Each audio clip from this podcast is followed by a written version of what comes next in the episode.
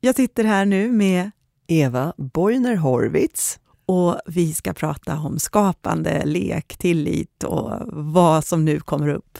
Det är första gången faktiskt på länge jag är riktigt oförberedd. För att eh, jag gillade ditt inslag i mejlet här eh, till att vi ska leka fram det här samtalet.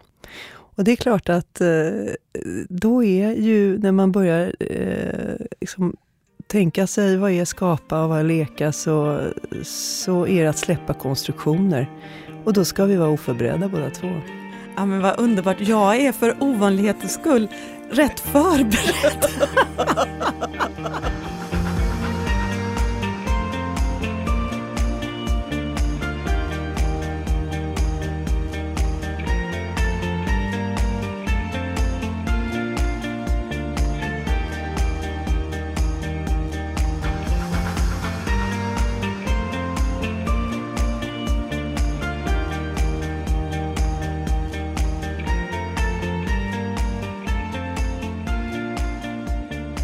Det jag vill börja med att säga Eva är att man kan säga gemensamt för dem som jag bjuder in och pratar med är att ni alla har valt att göra något eller gått er egen väg.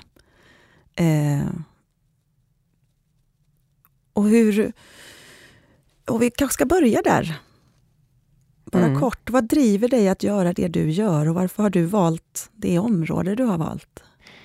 Alltså jag har när jag såg den där frågan så fick jag ett sånt där, en djup, skön eh, känsla av vad meningsfullt livet är att få den frågan när man är 50 år gammal. För att det väckte massa funderingar kring de här första konstnärliga eh, grejerna som, som ja, mina föräldrar någonstans tyckte att jag skulle följa med på som barn. Och hur de har färgat mig på kanske ett mycket starkare sätt än vad jag tidigare har begripit. Och då tänker jag på en av de här sportloven när alla fick lov att åka iväg på häftiga såna här skidresor. Och nej, vi skulle vara hemma i, Stockholm och vi skulle titta på eh, Marcel Marceau när han skulle framträda. Och jag hade ingen aning om vem det här var och jag tror jag grät och eh, pappa sa så här, nej nu, nu ska vi göra det här. Det, och vi gick in i den här salongen och jag kände liksom motviljan sådär. Och det var en av de absolut mest starkaste grejer jag har med mig från min barndom. Det var den här pantomimen, när den liksom slog an och drabbade mig på ett sätt som gör att, ja, jag tror att det har präglat min eh, mina framtida yrkesval, min forskning, jättemycket mer än vad jag har begripit. Det är först nu när liksom poletten har trillat ner, när jag blir 50, att de här första liksom konstnärliga avtrycken, de skapade en eh, trygghet sen i om jag skulle gå till höger eller vänster i mina yrkesval och min forskning. På, på vilket sätt? Eller hur, hur kan du... Alltså, jag tror att det här och nu också när jag kom, kom ner här i studion så det, det, för mig är det här en, en, en underjordisk värld med massa spännande grejer här och alla sitter med hörlurar och eh, verkar hemligt liksom väldigt mycket här. Så tänker jag så här, nej, tillbaka till kroppen. Så jag sökte direkt kontakt, satte mig på golvet och sökte kontakt med kroppen för att komma inåt. Och där tror jag att utan kroppen och kontakt med min kropp så hade jag inte inte eh, klarat av att göra de här lite gränsvala, eh, gränsnära valen. Eh, så att kroppen är otroligt central och tilliten till min kropp egenskap liksom av rörelse och, och känslomässig kropp. Men också alla de där sinnena som cirkulerar runt och ger mig signaler till om jag ska gå framåt, bakåt eller åt sidan. Så att kroppen är den stora eh, kunskapsbanken, skulle jag vilja säga. Wow! För att bedriva forskning och... ja, ja, ja, ja. Så att där är verkligen ingången. Kroppen är ingången. Och det har nog präglat väldigt mycket av det jag har lekt och skapat som barn. Och, och ja. Har du, lekte du mycket som barn? Alltså, jag funderade lite grann på det här med vad var det egentligen jag lekte med. Jag lekte ute i skogen och, och skapade eh, lägenheter och sådär med min syster Anna och vi hade kompisar på landet och mycket utelek. Eh, men jag tror inte att dockorna var så eh, centrala. Och det kanske jag, jag ska kanske inte säga så mycket om det. Men, men jag hade några skokartonger som jag gjorde. Jag fick ärvda, ärvda Barbies som jag, de flyttade in i skokartonger. Och då vet jag att jag sydde och grejade och, och, och hade timmar liksom i de här landskapen med Barbies som hälsade på varandras skokartonger. Jätteviktigt var det. Så att jo, jag lekte. Jag kanske Eh, jag gick ju tidigt in i gymnastikens värld. Alltså. Jag började som sexåring eh, i en gymnastikförening och höll på fram tills jag var 21 år. Så väldigt mycket av min lediga tid så var jag i rörelse. Mm. Och då var det fristående matta och hopp och det var ju struktur, ordning och reda. Men det här med fristående till musik och jag sjöng också i kör. Så att musiken och rörelsen tror jag var en del av förlängningen in i en mer vuxenlek så att säga. Så det är väl också en, en uh, länk in i, i forskningen. Mm. Ja, för hur kom det... Hur, du pratar kropp här och så forskar du och i mitt i, det man första man associerar med forskning är ju inte kropp. I alla fall inte i traditionell forskning, utan det första man är ju, är ju huvud. Ja, för mig hänger ju kropp och huvud ihop. Alltså. Mm. Mm. det är samma kropp. Ja, ja, men det är ju verkligen samma kropp. Jo, nej, jag har ju forskat om kroppen, vad som händer i kroppen när vi rör oss till musik. Och eh, vad, vad händer med våra stresshormoner? Vad händer med våra rörelsemönster och med våra känslor? Och, och hur avläser vi andras kroppars rörelse och, och så vidare. Så att, jo, kroppen är, är väldigt central i min forskning.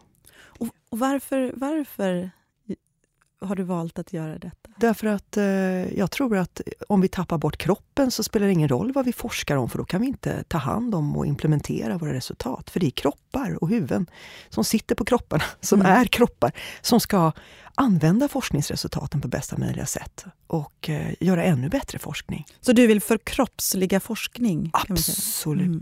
Och det är där jag tycker hela det här embodiment-begreppet är så häftigt att det har hittat in nu igen. Jag menar, att vara i... Eh, ja, vi minns sämre om vi är utanför kroppen var ett forskningsprojekt som jag tog del av förra veckan. Mm. Alltså, om vi pratar skola, lek, tappar vi våra kroppar på skol, redan på skolgården? Eller redan i, i barnsängen? Vad ska då hända med allt det här som vi önskar skapa tillsammans av en tillitsfull värld? Om vi inte har en kropp där det slår an eller sl slår rot. ja. Så för mig är det, alltså, ja, det, det, det är avgörande med den kroppsliga närvaron och kontakten. Vad, vad är tillit för dig? Ja, tillit... Vi har nu haft en, en, vi har en seminarieserie på eh, Centrum för social hållbarhet där jag verkar. Och då bjöd vi in Erik Blenberger, professor. Eh, och han har ju naturligtvis tittat på tillitsbegreppet utifrån många olika eh, kontexter. Och jag, för mig, när jag har börjat att sätta mig in i tillitsbegreppet på mer intellektuell nivå, så vill jag ändå gå tillbaka till att eh, tilltron till, till något. Så tillit och tilltron. Mm. Och då vill jag återigen dra ner det till tilltro till att jag kan göra skillnad. Att jag, kropps-jag, är i mötet med en annan individ eller annan grupp eller samhällsgrupp har en tilltro och kan släppa försvar och låta någon annan också ha tro till någonting. Så att det är tro, tycker jag, som är eh, i tilliten mm. central. Sen går det att applicera tillit både kognitivt och emotionellt och så vidare. Det går alltså att skapa. Jag tänker många av de självhjälpsprogram idag där man ska träna sig i att bli mer tillitsfull. Och där. Alltså då, då kommer man ju plötsligt i, i, i, in i en konstruktion som kan vara lite farlig. Och det är någonstans det som vi alltså skådespelare har jobbat med patienter och skådespelare lite grann. Och, eh, det, det kan ju vara manipulerande att skapa tillit som konstruktion. Men man får se upp lite grann för det här tillitsbegreppet. Att det också slår an till de djupare delarna av våra, våra känslohjärnor. Amygdalakärnorna. Att det finns en förankring i det som har med känsla att göra. Så att det inte blir för intellektualiserat med tilliten. Ja, ja, ja. Det tror jag är farligt. Jag tänker på mycket på, på lärande. Eh, mm. Hur vi lär oss. Mm. Och jag, just det här som jag tycker är så vackert, att kunskap heter kunskap. Mm. Vetenskap heter vetenskapande. det finns med där att det ena är ju liksom att proppa in, få veta årtal och namn och så vidare. Men sen finns ju den där skapande biten. Den, den kan jag nästan se som att det är som det, det partiet när man förkroppsligar kunskapen. Eller får in den så att den inte bara är en rabblad tabell. Ja, och också om läraren inte är förankrad i det han eller hon eller hen säger. Det skapar ju också en bättre förutsättning om det är en person som är förankrad och tycker kunskapandet är lustfyllt. Mm. Och eh, vi har fantastisk lärarkår där ute där många verkligen drivs av en känsla av att, att vilja vara medskapande med sina elever. Men jag tror också att det är en, en, en, en del som vi... Ja, det är just att avläsa. Avläsa eh, utifrån lärarens perspektiv en elev, en student. Vad den personen ger för signaler i själva medskapandet av kunskapandet. Att vi lär oss på olika sätt. Och det här, jag tycker den här frågan, hur vet vi att vi inte vet? Och det är en, en forskare i Frankrike som heter Claire Petit-Mangan som ställer den här frågan. Eh, hur vet du när du inte vet? För att många gånger så kastar vi oss, men det vet jag inte, det, det kan jag inte. Men hur vet du att du inte kan? Redan där så ställer man en fördjupad fråga till kroppen och alla de perceptionsnivåer vi har tillgång till. Att få reda på varför jag svarar eller gör eh, någonting som i sig är ju ett kunskapande som kan skapa mervärde för eh, livskvalitet. Framtid, eh, framtid meningsfull livskvalitet.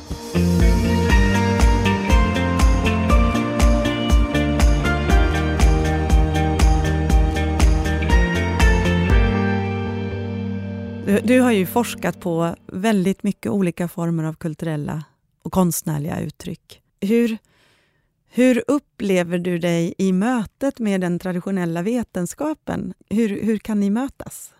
Jo, det var ju så att i början på 90-talet när jag började titta på dans och vad händer när vi dansar till musik i våra kroppar och skulle då försöka att avläsa det här genom att använda olika mätmetoder, inte bara blodanalyser och salivprov utan även videoinspelade rörelsemönster. Och vi eh, lät alla de här deltagarna att göra självbildsteckningar. De fick också rita göra ett avtryck av sin process. Så att säga. Så, så, så visst, i, anledningen till att jag tog det här, gjorde det här breda greppet var just för att eh, dansen ansågs som någonting flummigt. Att plocka in det i vetenskapligt sammanhang.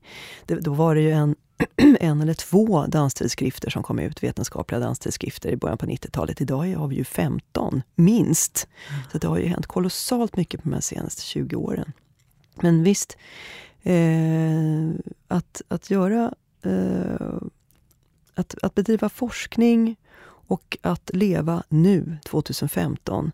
Och när det gäller att mäta kropp så har vi förutsättningar för vi har ju tillgång till både eh, djup kunskap om hur stresshormoner förändras i kroppen. Vi har också tillgång till eh, magnetkameror där vi kan följa flödesförlopp i hjärnan, vad som händer före, under och efter eh, olika ja, till exempel då konsta, konstnärliga modaliteter. Men det jag vill säga, för att eh, varför har jag valt att titta på olika i det här forskningsprojektet som heter Kulturpaletten? Själva eh, böckerna heter Kulturhälsoboxen. Då, men i, i det här så man hoppar liksom på tåget någonstans på stationen musik eller stationen dans och sen är eh, en mellanstation visar sig kunna vara till exempel kreativitet eller flow. Då kan man hoppa av och säga att nej men alla de här systemen, de, när vi gör någonting som vi tycker är svårt, när vi gör någonting som plötsligt vi anser vara lätt men egentligen är det svårt, då pratar vi om begreppet flow. Och då kommer vi också in på begreppet kreativitet. Och det i sig kan vara att vi åker vidare med tåget och hoppar av på en station där vi får alltså en ökat välbefinnande eller kan anse att vi har påverkat utmattningsgrad, det vill säga olika hälsoparametrar. Så det här är ju förlopp som vi måste se som ett kontinuum. Och min station där jag har valt att hoppa på min forskning har varit kultur, olika kulturaktiviteter. Och då, när vi skapade det här projektet för flera år sedan i, i, i grupp, forskargruppen, så, så hade vi fått en del evidens just kring att när vi blandar olika kulturaktiviteter så skapar vi en större förutsättning för en ökad understödsyta, en, en bredare spridning av eh, verkningsmekanismer då i, i vårt kognitiva rum, så att säga. Vi, vi, vi kan alltså få större effekt när man dansar och eh, målar än om man bara dansar till exempel. Och det här var studier som vi, som vi valde att eh, anamma in i vårt forskningsprojekt och därför så mixade vi alltså sex stycken olika kulturaktiviteter. Eh, alla patienter då som hade utmattning, eh, de fick ju alltså de här aktiviteterna var och en för sig. Så det var inte så att allting bombarderades samtidigt. Men under en intensiv period på tre månader och med uppföljningar efter ytterligare då tre månader, månad sex, så hade alla fått alla aktiviteter. Och det var många gånger så att det var några av de aktiviteterna som de här personerna inte själva hade valt. Och det är också lite grann av det här jag kommer tillbaka till, mm. att jag vill inte gå på den där föreställningen. Marcel Marceau. Men när jag väl var där så blev jag drabbad. Jag kom liksom, eh, släppte på allting och fick med mig någonting som har påverkat mig. Och eh, lite grann samma sak här, att låta oss ändå testa. Vi ska, vara, vi ska vara, gå över våra gränser. Vi ska lite. våga testa. Mm. Vi, vi blir aldrig liksom färdiga. Och bara för att man har lyssnat på klassiskt eller, eller rock så behöver inte det betyda att man inte kan ta till sig en annan musikyttring, en annan musikgenre. Vi måste våga testa det där. Och eh, då blir det lättare om man har med sig kroppen, tror jag. Men där eh, Precis, det har varit någonting som har varit flumstämpat det här med kon konstnärliga aktiviteter till att tack vare de vetenskapliga instrument, mätmetoder som vi har idag, så har vi eh, kunnat skapa riktigt god forskning och eh, har en hel del evidens när det gäller musik, dans, bildskapande idag. Som vi också skriver mycket om i vår grupp. Och det på ett sätt så, så känns det som att det ja, men som konstutövare så, så, är, så är det som att allt det där vet man ju i sig. Måste man använda, borde inte det vara en allmängiltig sanning? Men, men det är ju som att det verkligen inte är det.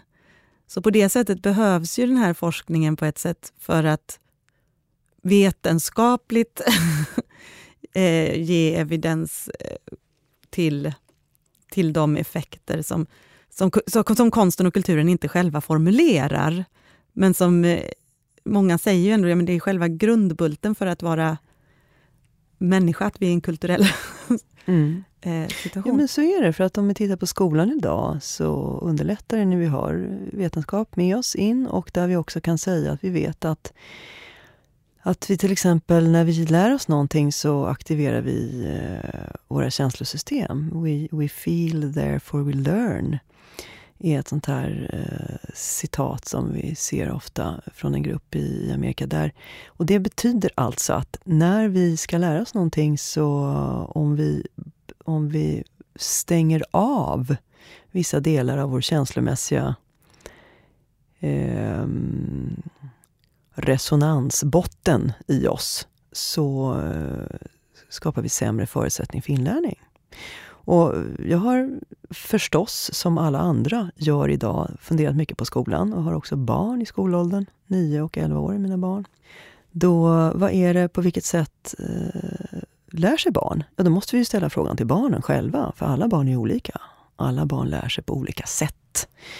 Och detta finns det också forskning på. Och detta finns också forskning på. Och den, den eh, frågan eh, har ju nu också fått några svar.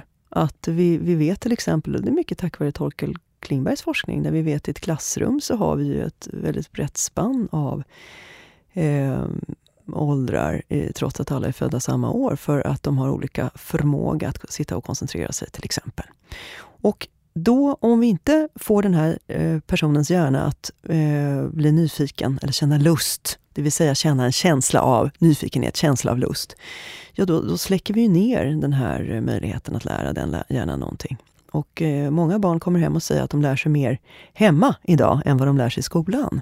Och det där tror jag vi ska ta på fulla allvar, för att i hemmiljön så händer någonting med barnet och blir de mindre försvarsinställda och de blir, känner en kravlöshet, en trygghet i hemmet. Jag frågade min son häromdagen, vad, hur skulle du vilja att en skola såg ut? Och då svarade han ganska direkt så här, han är nio år.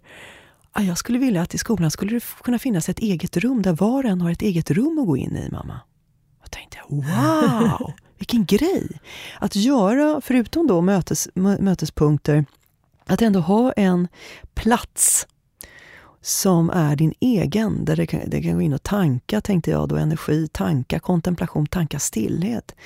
Och jag tror att, eh, och det vet vi också med den här mindfulness-rörelsen, den har ju inte kommit till oss som en slump och det finns också mycket god forskning också kring, kring mindfulness och stillhetsövningar i skolan. Jag tänker på hela den här rörelsen Drömmen om det goda, Anna Bornstein som har dragit igång. Alltså att stanna upp och göra en paus på tio minuter där man i tystnad också skapar en, kanske en beröring, en, en, en, att massera varandra, där också läraren finns med. Att skapa en ny tändning till andra perceptionskanaler i vår lärande kropp och knopp. I sig ger det en, en, en uh, utvecklingspotential av alla möjliga spännande kreativa ansatser hos, hos alla olika spännande barn. Men, och det finns ju, jag tänker på en studie, när jag, när jag säger det här nu, i en, en schweizisk studie, där man delade upp, jag tror att det var ett 50-tal skolor i Schweiz, där eh, hälften av skolorna fick dra ner på matematikundervisningen eh, och istället få musikundervisning. Eh, man behöll liksom språk och, och, matematik, men man fick mer musikundervisning. Och den andra hälften av alla de här skolorna, de fick sedvanlig mm, matematikundervisning och eh, eh, inget tillskott av musik. Men på de här centrala proven, som det väl hette då på den tiden, här var vi på början på 2000-talet, så visade det sig att de skolor som hade fått mer musik var faktiskt de som presterade bättre i matematik. Nu kommer man in på ordet prestera, som också är laddat, men, men här var det alltså, man ju minskat matematikundervisningen och ändå så, så hade de eleverna lättare för att räkna matte. Och det enda vi hade fört in var musik. Men, men de hade fortfarande matematikundervisning? Aha. Ja, men, men, men, men, mindre än den andra mindre gruppen? Mindre antal timmar. Aha. Och det, har, man, har man gått vidare med det? Ja, det här är en, en, en studie som, ja, nu minns jag inte exakt, jag vågar inte säga exakt när det var, men i början på 2000-talet. Jag tror att det var 54 skolor med eller någonting sånt här. Och det här har ju skapat naturligtvis synergier i, i olika forskargrupper där ja, bland annat den forskning som vi har, har driver då när det gäller eh, att ja, montera upp kulturskolor, att föra in estetiska ämnen, att eh, ja, det här med humaniora i skolan, varför är det viktigt och eh, vad är... Det var någon som sa att eh, kreativitet är viktigare än analfabetism. Alltså att vi ska titta på de kreativa aspekterna av inlärning. Så det var Ken Robinson som sa det här, professor som har varit vägledande för brittiskt eh, lärandesystem under många år. Sitter nu i Amerika förstås. Men den, den eh, kopplingen till eh, kreativitet, att ha ett eget rum. ja, skulle det kunna... Eh, kan man inte skapa det rummet fysiskt så kan man ju skapa det rummet mentalt. Man kan ju ge också, och det finns också metoder inom kontemplation, kontemplationsmetoder, alltså lugn och ro-metoder. Att vi kontemplerar kring ett varande som gör oss lugna och trygga och mindre försvarsinställda. För jag tror att det här med lekandet, det avtar direkt när det blir försvar inblandat i bilden. Mm. Och eh, försvar kan man ganska lätt se också Men menar du egentligen att lek och kanske egentligen dagdrömmeri skulle kunna vara två olika sorters kontemplationsområden. ja, dagdrömmeri. Jag kan inte så mycket just om det begreppet egentligen. Men, men om Nej, jag, det var jag som tänkte det när du sa skapa ditt eget rum, mm. så tänker jag mig till den sitsen när man är i sitt eget rum, nämligen i sin fantasi, mm. eller i sin dagdröm. Ja, och eh, det skulle vara en intressant studie i sig att se hur många minuter en vanlig skoldag i mellanstadiet, hur många eh, som går in i dagdrömmeri. Och, eh, och hur många som tillåter sig att göra det om man till exempel gör en intervention av kontemplation eller en, en stillhetsövning. Att eh, jag tror att den här reparation eller dammsugandet av minnesspår och sånt där som skapar oro, osäkerhet, ovisshet skulle kunna minska. Jag bara fick en så rolig ja. bild. Förlåt. Ja, det Nej, jag bara står nu här, den här hela matematikundervisningen mm. eh, där halva klassen sitter och dagdrömmer sig bort. Mm. och är någon helt annanstans. Men att det kanske egentligen pågår värsta hjärnaktiviteten i de här, de utvecklar sitt fantasirum eller sin möjlighetsrum och så vidare. Så det är inte att de inte gör någonting i skolan när de sitter och dagdrömmer sig bort. Nej, Men de tror, gör inte just det som man skulle göra. Kanske. Därtill tror jag att du har helt rätt. Jag tror också att du har eh, vetenskap bakom dig när du säger det. Mm. Att där händer det kolossalt mycket saker mm. i dagdrömmandet. I det eh, modus där vi är bara i en avspänd, ett fritt flöde. Det, då kommer vi in på det här med flow igen. alltså.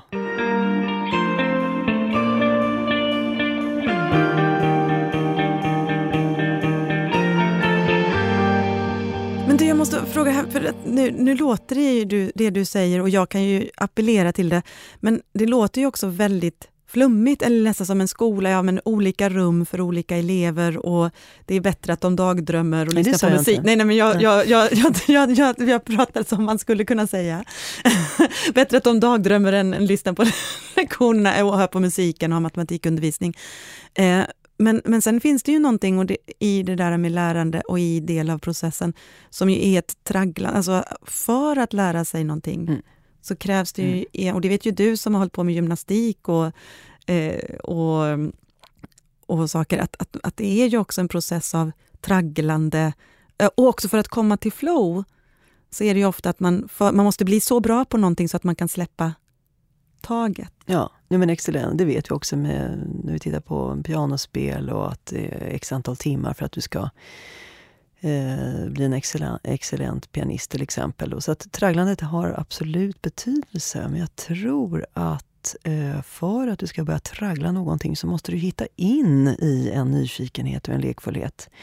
För att när också du vet att det här känns, eh, för mig överensstämmer med den jag är och det, den intention jag har med mitt varande här just nu att göra, då blir det också mer lättare att motivera den personen att traggla. Så jag tror tyvärr, vi, vi får inte börja prata om tragglandet redan innan vi har på något sätt hittat in i nyfikenheten och lusten. Ja. Och där är ju leken helt avgörande, för att leken för mig är ju då den försvarslösa eh, hjärnans aktivering av kroppen, så att säga, när vi inte gör någonting för att vi ska eh, göra det för att vi ska prestera någonting.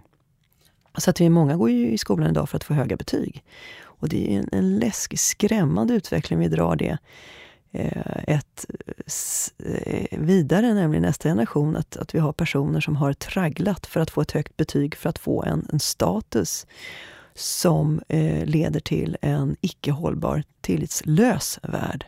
Jag läste det, det är en jätteökning av hem, det som kallas hemmasittare. Och också så att mm, tolvåringar som inte går i skolan, att det bara växer i antal. Ja, men så är det. Och man börjar prata om utmattade eh, tolvåringar och det här. Och det, eh, jag tror att trygghet och tillit, men också, det finns ett begrepp som heter self-compassion, att bara att också... Eh, och jag tar tillbaka, för vad, vad är trygghet för någonting då i en skola? Om man tittar och står och tittar på en skolgård under några timmar så ser vi ett mönster. Att det är personer som söker sig till hörner, som söker sig till avskildhet och inte vill vara med i gruppen. Och så ser det ju ut. Och där har eh, skolan en eh, det, fin det, finns ett problem då att tillfredsställa de här olika oliksinnade eh, barnen. Men att, att tidigt veta att när jag står i den här hörnan så gör jag det för att jag behöver återhämta mig. Och kanske man då istället för, jag börjar med att plantera träd och göra såna här saker naturligtvis, skapa ett växande, ett organiskt växande som speglar oss i våra spegelneuroner. Men också ta hänsyn till eh, stillhetsbehovet för att där, utan stillheten, så tappar vi trygghet. Vi tappar känslan av eh, att känna sig trygg. Och vad händer när vi blir otrygga? Ja, då, då tappar vi också mötet med våra medmänniskor. Och då vågar vi inte vara i möte med andra människor och då blir vi isolerade och vill heller inte gå i skolan och blir hellre hemma. För där har jag tänkt någonting med trygghet. Eller det är nästan som att vi har bytt ut innehållet i trygghet med säkerhet. Om vi tittar historiskt har vi nästan proppat in saker som har med säkerhet i det mm, begreppet mm, trygghet. Mm. Att jag vet att jag utbildar mig till det här och att jag har mitt yrke och jag har mitt hem och jag har min familj och man, man vet hur dagarna ser ut. Och nu för tiden så har vi ju väldigt lite kontroll. Man kan utbilda sig till något som man inte vet om det yrket finns när man går ut sin skola och ja, vi, vi byter fruar och, eller familjer luckras upp och globaliseringen gör att vi har världen och vi vet gränser flyttas och inte minst miljökatastrofer som vi allra minst kontroll på. Men där har du verkligen rätt, för att det, det, visar också att vi låser mer frekvent våra bildörrar när vi ska gå och handla några meter ifrån och vi eh, dubbelkollar att dörren är stängd. Och det här beteendemönstret har ju tilltagit. Det, det vet jag att det Erik Brännberg pratade tydligt om, en ny trend av, att, eh, att, alltså tillits, av tillitsbrist. Ja, och att det har blivit som men också när man pratar om trygghet så är det lätt att det är det man tänker på, mm. att man kan vara säker. Mm. Mm. Men att vara trygg är ju egentligen att man kan vara trygg eller känna sig lugn även när det är kaotiskt runt omkring sig. Även när omgivningen är osäker. eh, så, så känner man en grundtrygghet. Jo, ja, men man sammanblandar begreppen, det tror jag mm. verkligen. Det har, du, det, det, har du verkligen en poäng med till det. För att då får vi börja bena ut för den här individen vi har framför oss. Vad, vad är det som är genuin trygghet? Vad är det? Och då kommer tillbaka det här med äktheten igen. Att titta in i kroppen.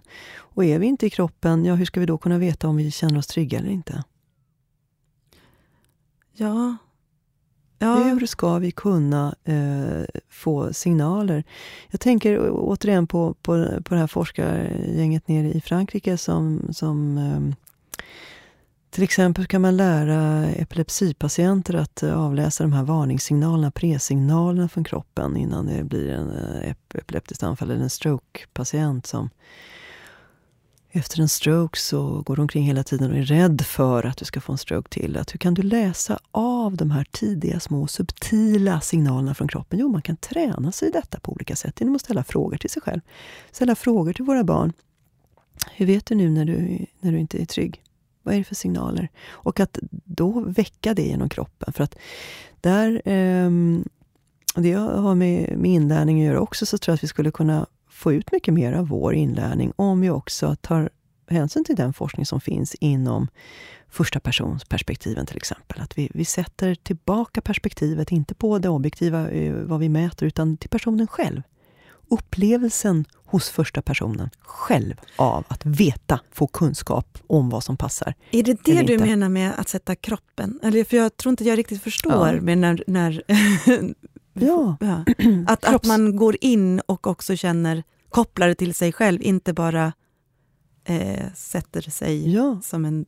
Ja, ja man, man går in och avläser alla de... Vi har ju olika sätt att ta emot information, perceptionskanaler. Och det, jag tänker framförallt på George Downing som har skrivit om det här. Jag tror att boken på svenska heter Kroppen och ordet. En, av, en bok som påverkar mig väldigt mycket när jag började forska om det här med olika perceptionskanaler. Att vi har en person som är väldigt intellektuell kanske, men en person som i första hand lär sig emotionellt, eh, en person som lär sig visuellt, att man är väldigt bildligt orienterad när man, man begriper någonting genom en bild först, eller att man har en känsla av en sensation. Eller att man behöver en, en ljudande, eh, ett ljudande stimuli för att lära sig. Och alla de här perceptionskanalerna, de är ju verksamma i vår kropp. Och vi kan alltså lära oss att känna av eh, när de här presignalerna, till exempel varning för otrygghet, slår an. Och då eh, får vi ju använda oss av en, en kroppslig rörelse, till exempel för att träna upp den här avläsningen av, olika, av de här olika kanalerna in till vårt lärande eller vårt kunskapande.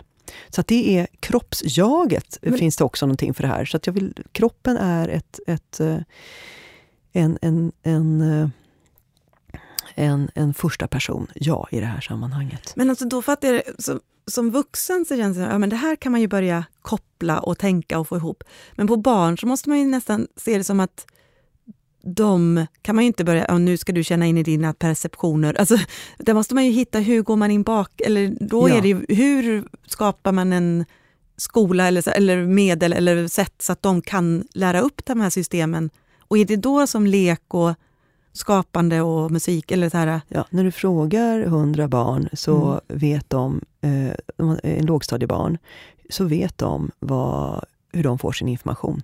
Mm. Om det är med bild eller om det är med kropp. Eller om de, det, är, det är bara att ställa frågan.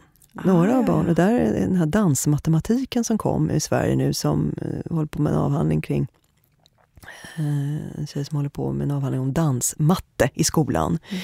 Just att, eh, att använda kroppen vid eh, inlärning av matematik till exempel. Och det här är när, när man ställer en fråga till 100 lågstadieelever så, så får du direkt ett svar på att ungefär 20% av de här har en, en inlärning som bygger på rörelse. Mm. Eh, och fördelningen sen mellan det visuella, att, att många önskar lära sig med, via bild, mm eh, inte lika stor andel. Men där vet vi att den rörelsemässiga inlärningen är så pass viktig för barn i lågstadiet till exempel.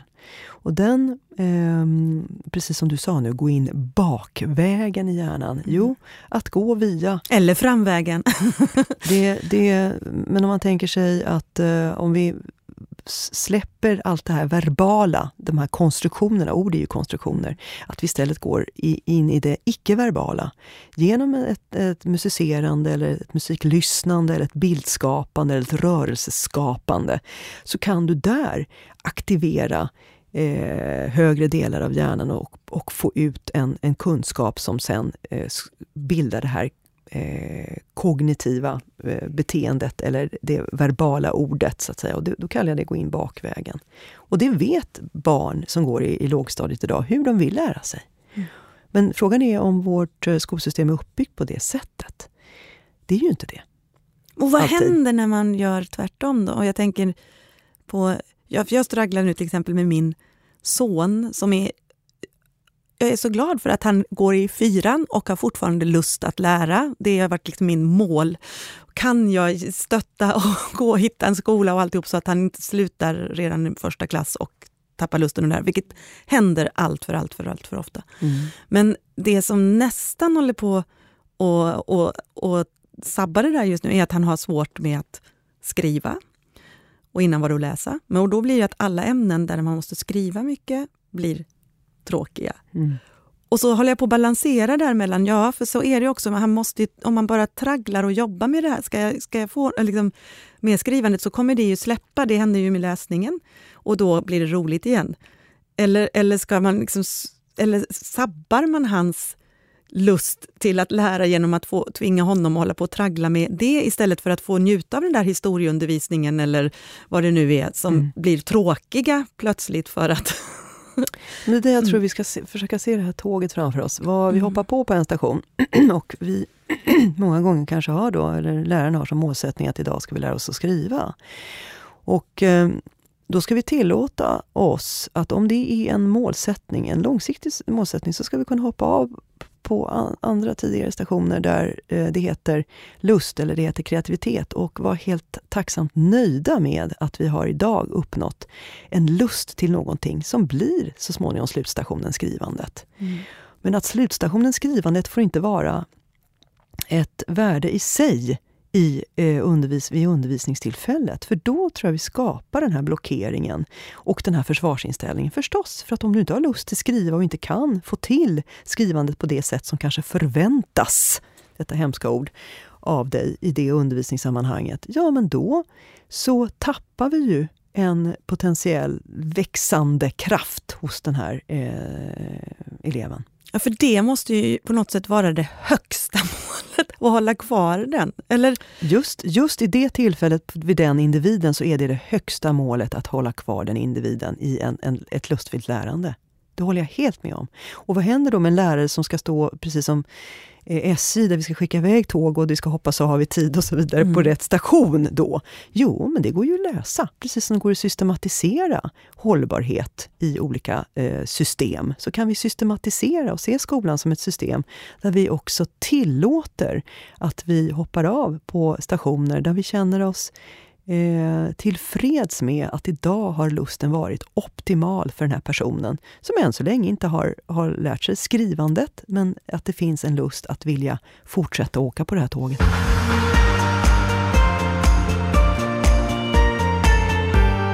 Hur skulle du utforma framtidens skola om du fick tänka helt fritt? Och utifrån ifall det är genomförbart eller inte? Alltså jag Ja, när jag läste den frågan så, så tänker jag direkt på en grej som är en, en varningstriangel. Och som har med rädsla att göra. Att där rädslan eh, på något sätt ska nedmonteras i den här framtida skolan. För vad, vad är det med rädsla som är så farligt då? Jo, att eh, Eh, jag tänker på en, en av de absolut häftigaste konferenser jag var på i Italien. Där fick alla delegater från 150 olika länder i världen eh, eh, välja att vara med i en övning. Och jag valde att vara med i den här övningen. Där vi skulle helt enkelt eh, först och främst ställa oss i en ruta som överensstämde med den känslan vi hade just nu inför konferensen.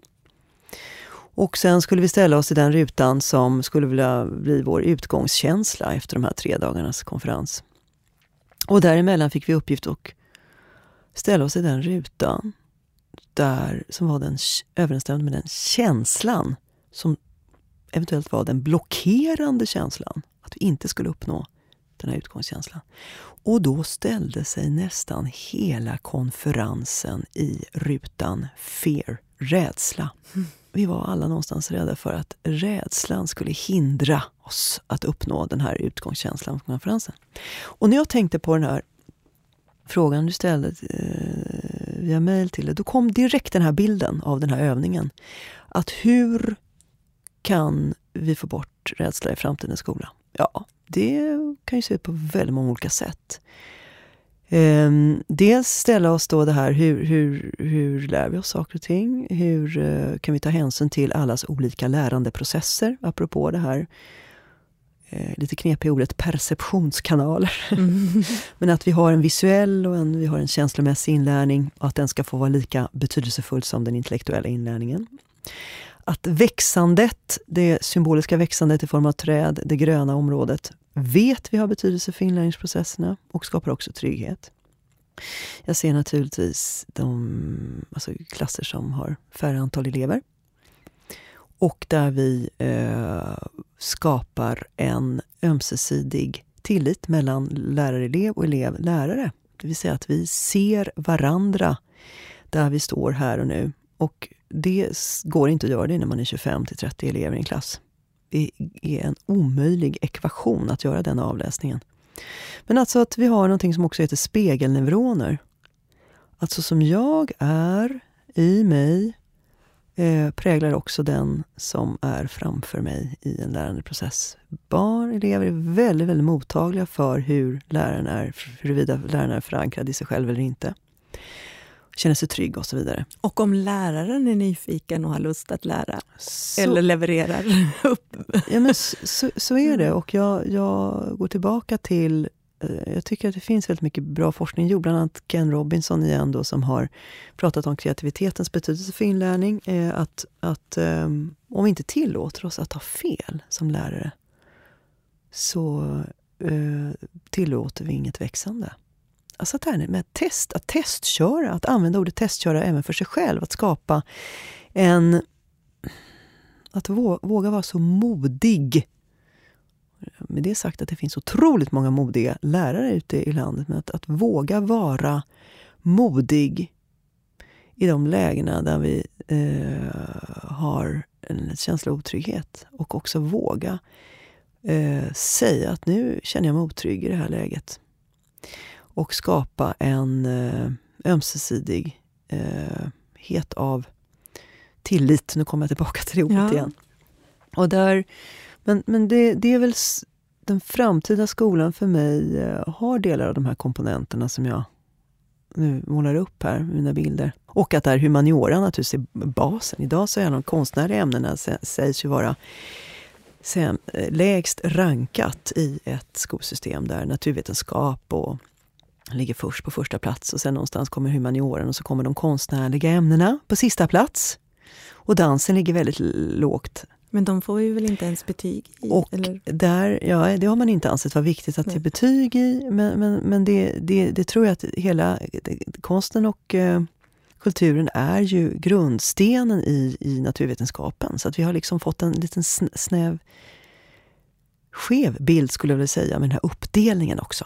Mm. Så ser inte inlärandet, inlärning ut, utan vi är en kropp där alla de här delarna finns i samspel och det är kommunicerande kärl mellan humaniora, matematik, språk, konstnärliga aktiviteter, modaliteter. Och då ska de också finnas i klassrummet, på skolgården, i läraren och i eh, mötet med eleven och i, i grupperna. Så att eh, skolkroppen och, och elevkroppen, skolkroppen och samhällskroppen ska bli mer länkat på det sättet tror jag också. Man förbereder för en, ett, en tillitsfull ex, eh, existens på den här planeten någonstans. Att det helhetstänket finns med. Vad är det som gör att det inte händer mer eller går snabbare? det, det, den här... Eh, jag, jag skulle vilja säga så här, just wait and see. Jag tror att det händer kolossalt mycket just nu, i detta nu, när vi sitter här och pratar om de här viktiga sakerna. Jag tror att eh, det är som en pendelrörelse med allt som har hänt, hänt historiskt. Att nu när, när vi börjar också begripa att de här nedmonteringarna av kulturskolor och olika estetiska ämnen, det, det, nu håller det faktiskt på att byggas upp en hel del, inte minst i Sverige. Och eh, vi har, tror jag, 2015 nu förstått att det går inte att, att med betygens hjälp, flytta ner betyg i lägre åldrar, skapa någon förutsättning för inlärning, utan det blir precis snarare tvärtom. Så jag tror att vi har en, en bra förutsättning nu, med, tack vare vetenskapen. Men det finns också ett aktivt, kraftfullt motstånd?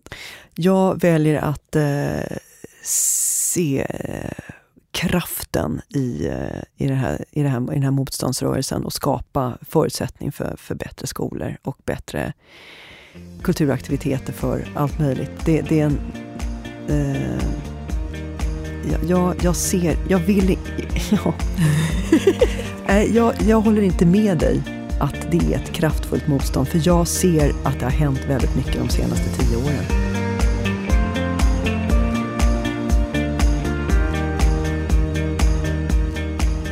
Eva. Det har varit underbart att, att få hänga med i din kropp. Tack själv till det. var ett, eh, tiden bara sprang med. Det var en enda stor flow-upplevelse att få vara med här i programmet. Mm. Så jättetack själv.